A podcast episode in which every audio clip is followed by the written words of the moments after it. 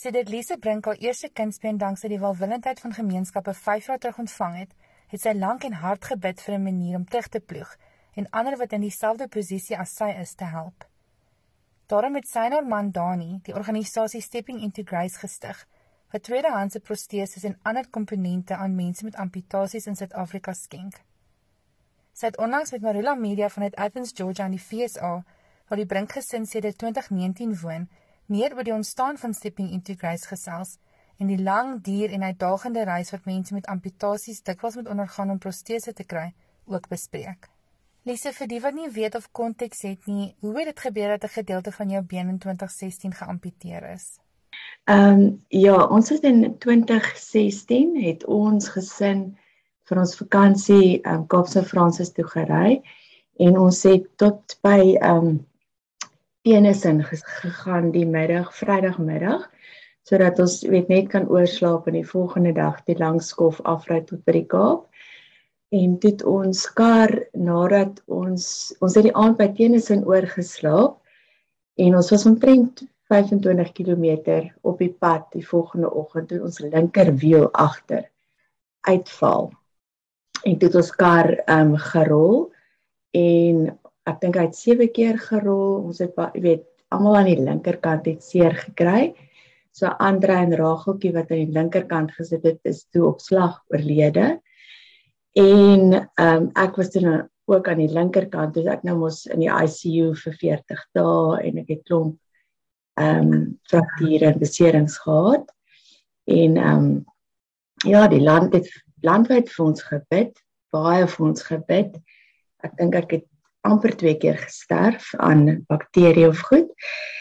En ehm um, ja, toe het ek nou my been verloor, bo knie amputasie as gevolg van ehm um, ag ek weet nie, dit is 'n kompartementsindroom wat ontstaan het in my onderbeen, maar dis omdat ek dink dis maar omdat ek in welkom ehm um, was vir 2 dae en toe moes hulle vir my 'n vlug kry Johannes Pretoria toe, maar met die was een van die vliegtye se engines het nie gewerk nie, toe moes hulle my weer terugvat en weer in en toe moes hulle toe breek daar 'n massiewe donderstorm uit en hulle moet 'n noodlanding doen in Johannesburg en ek is baie dankbaar vir die noodlanding in Johannesburg en die massiewe donderstorm want anders was ek kwaad vir die mense dat die engine van die vliegtuig stukkend was.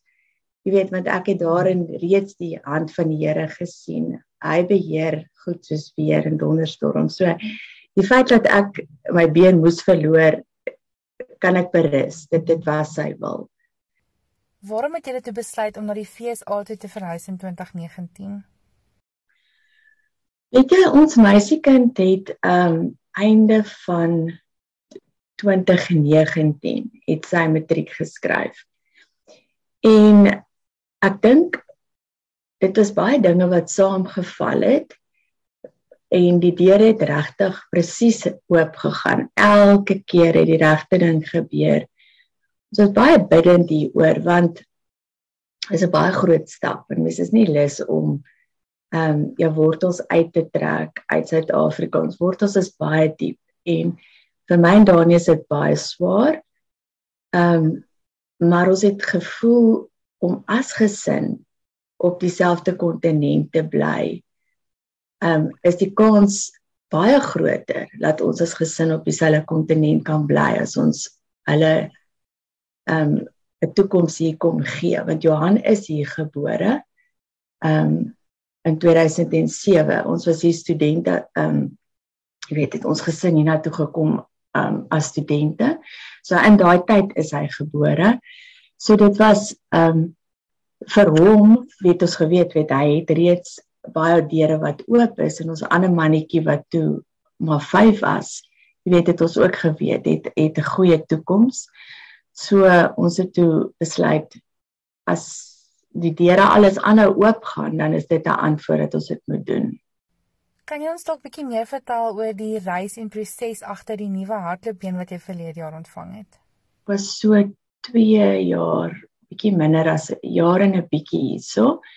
Dit ek gehoor by die prostituis hier in die dorp wat my eerste saak het moes maak dat ehm um, daar's baie organisasies landwyd wat vir jou kan jy weet beurse gee of wat is die woord ehm um, skenkings wat jy kan aansoek voor doen om te probeer om fondse te kry as jy graag meer as net 'n been wil hê. En toe ek besluit ehm um, as ek 'n blyt kon kry en ek kan dalk aan die draf weer kom, ehm um, sal dit ongelooflik wees. En toe ek na in die somervakansie, ehm um, toe nou af is as juffrou, het ek besluit goed, ek gaan die aansoek indien.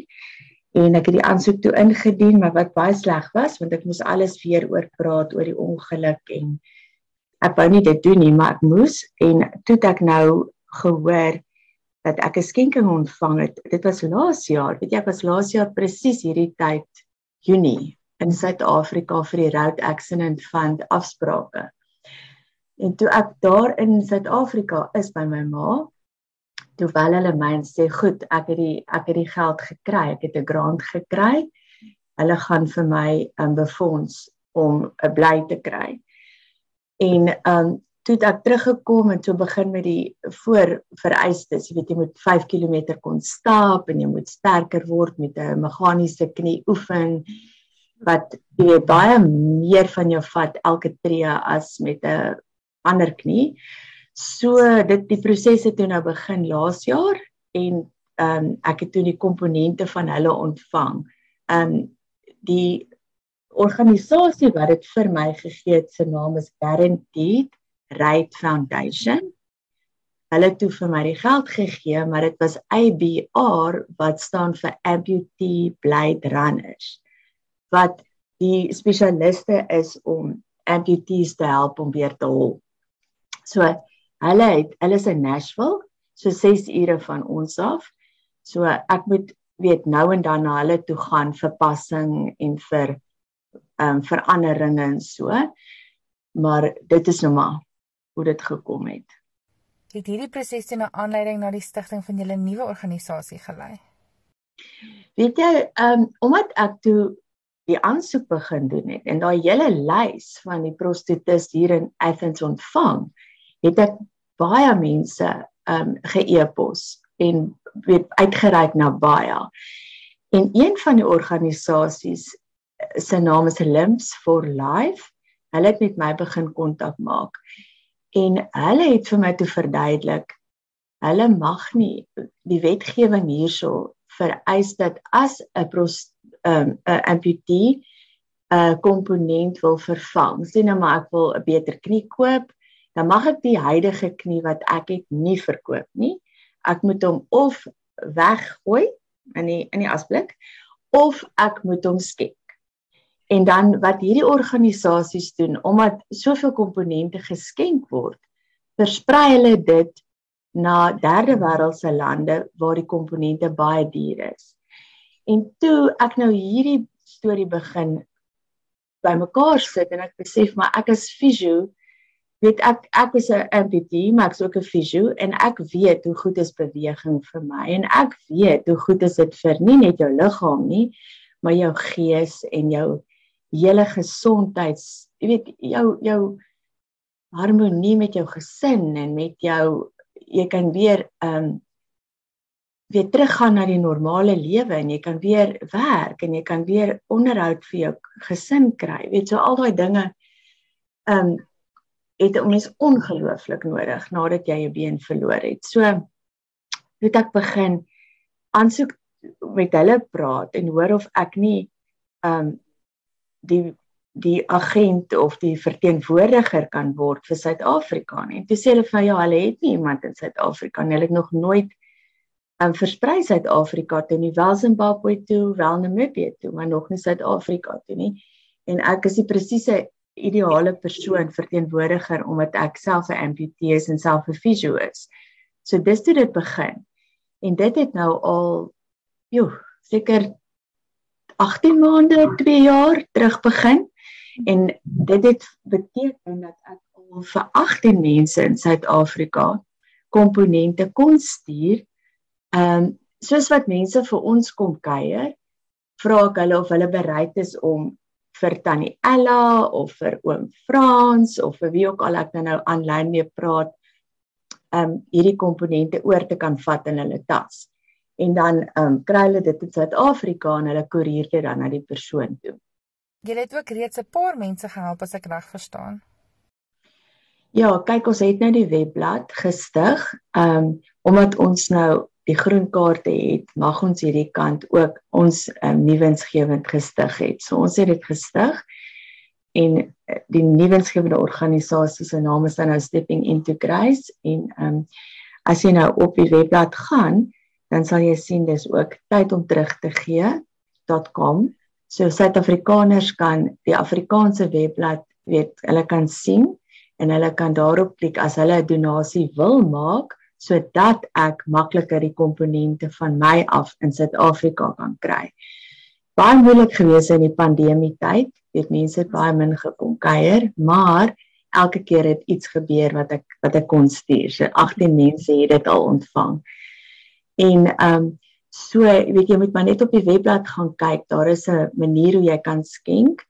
Ehm um, en die 5 km wat ek nou hardloop is nou juis 'n poging om skenkings te ontvang. Hoekom die besluit om jy Suid-Afrikaners in hierdie verband te help?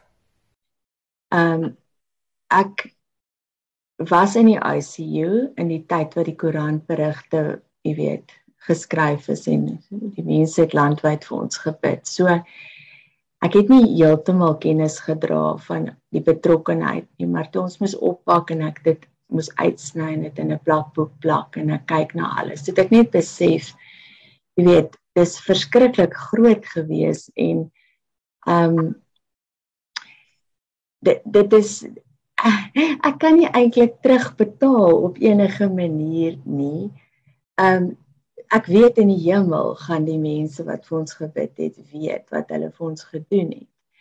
Maar dit dit voel beter of troosend om te sê goed op 'n manier kan ek help op 'n manier kan ek teruggee en ek en ek so is my manier om terug te gee en dankie te sê dis baie makliker om dit te doen in die tyd wat ons verlang na Suid-Afrika want ons verlang ons verlang baie omdat ons wortels baie diep is en omdat ek weet na die ongeluk. Hoe het mense landwyd vir ons gebid? Wat is jou toekomsdrome vir Stepping into Grace? Om soveel mense as moontlik in Suid-Afrika te help om om um my mede-amputees in Suid-Afrika te probeer help om ook terug te gaan na so normaal soos wat ons lewe kan wees. Um jy weet om om um, as as een van die persone op die WhatsApp groep sê sy knie laat hom heeltyd val om te kan met vrymoedigheid te kan sê goed weet jy ek kry vir jou 'n knie en ek stuur hom vir jou oor 'n maand het jy hom maak so lank 'n afspraak by jou prostetis. Ehm um, dis nou om die komponente te ontvang. Die ander die ander droom wat ek het is as ek meer fondse het, kan ek selfs um meer help want om die komponente van 'n prostetiese been te ontvang is een ding. Maar jy het 'n socket nodig wat soos 'n handskoen is net vir elke persoon. So ek het elke 3 tot 6 maande 'n nuwe socket nodig want jou stompie krimp omdat jy nie die spiere kan gebruik nie. Um krimp dit en jy moet kort kort 'n socket vervang. En daai kostes is baie hoog. Jy weet, um, so jy het ook liners wat jy moet vervang. 'n Liner hou jou miskien 6 maande, miskien as jy hom baie mooi sorg en baie nie so baie op jou bene is nie, kan hy jou dalk amper 'n jaar hou. Maar sulke goed moet jy ook vervang en jy moet dit daarvoor betaal. So die twee groot organisasies wat ehm um, komponente vir bene maak is in is in IJsland en is in Duitsland. So jy weet dis dis duur goederes wat jy wat jy moet um aanhoudend lewenslank moet vervang. So my droom is as ek meer um kontant of meer weet skenkings kry, dan kan ek um sê goed, ek laat weet my as die volgende socket weer gemaak moet word.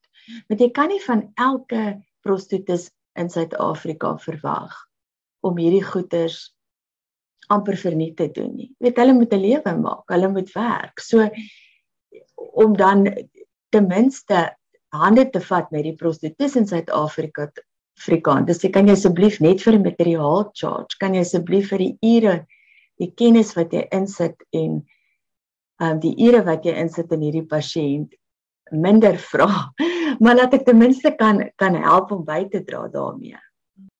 Lisie, jy is nou lekker bedrywig, maar ek wil ook graag weet hoe dit met jou persoonlik gaan. Dit gaan goed met my. Ek ehm um, ek kry elke dag die genade wat ek nodig het om deur die dag te kom.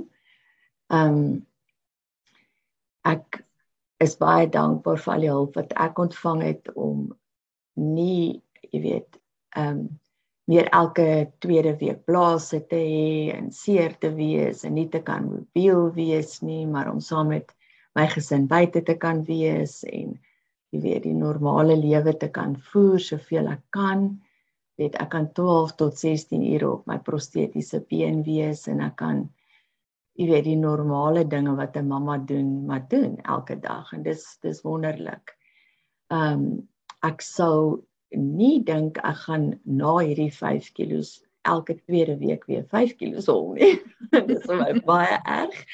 Dis baie baie moeilik om 5 kg te hardloop. Ek hoop ek kan dit maak met baie stap tussenin. Ek gaan draf en ek gaan stap.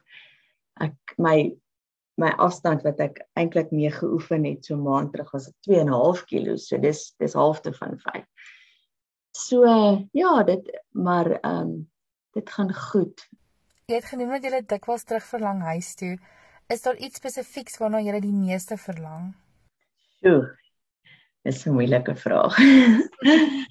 Ehm um, um, wat mens die meeste na verlang.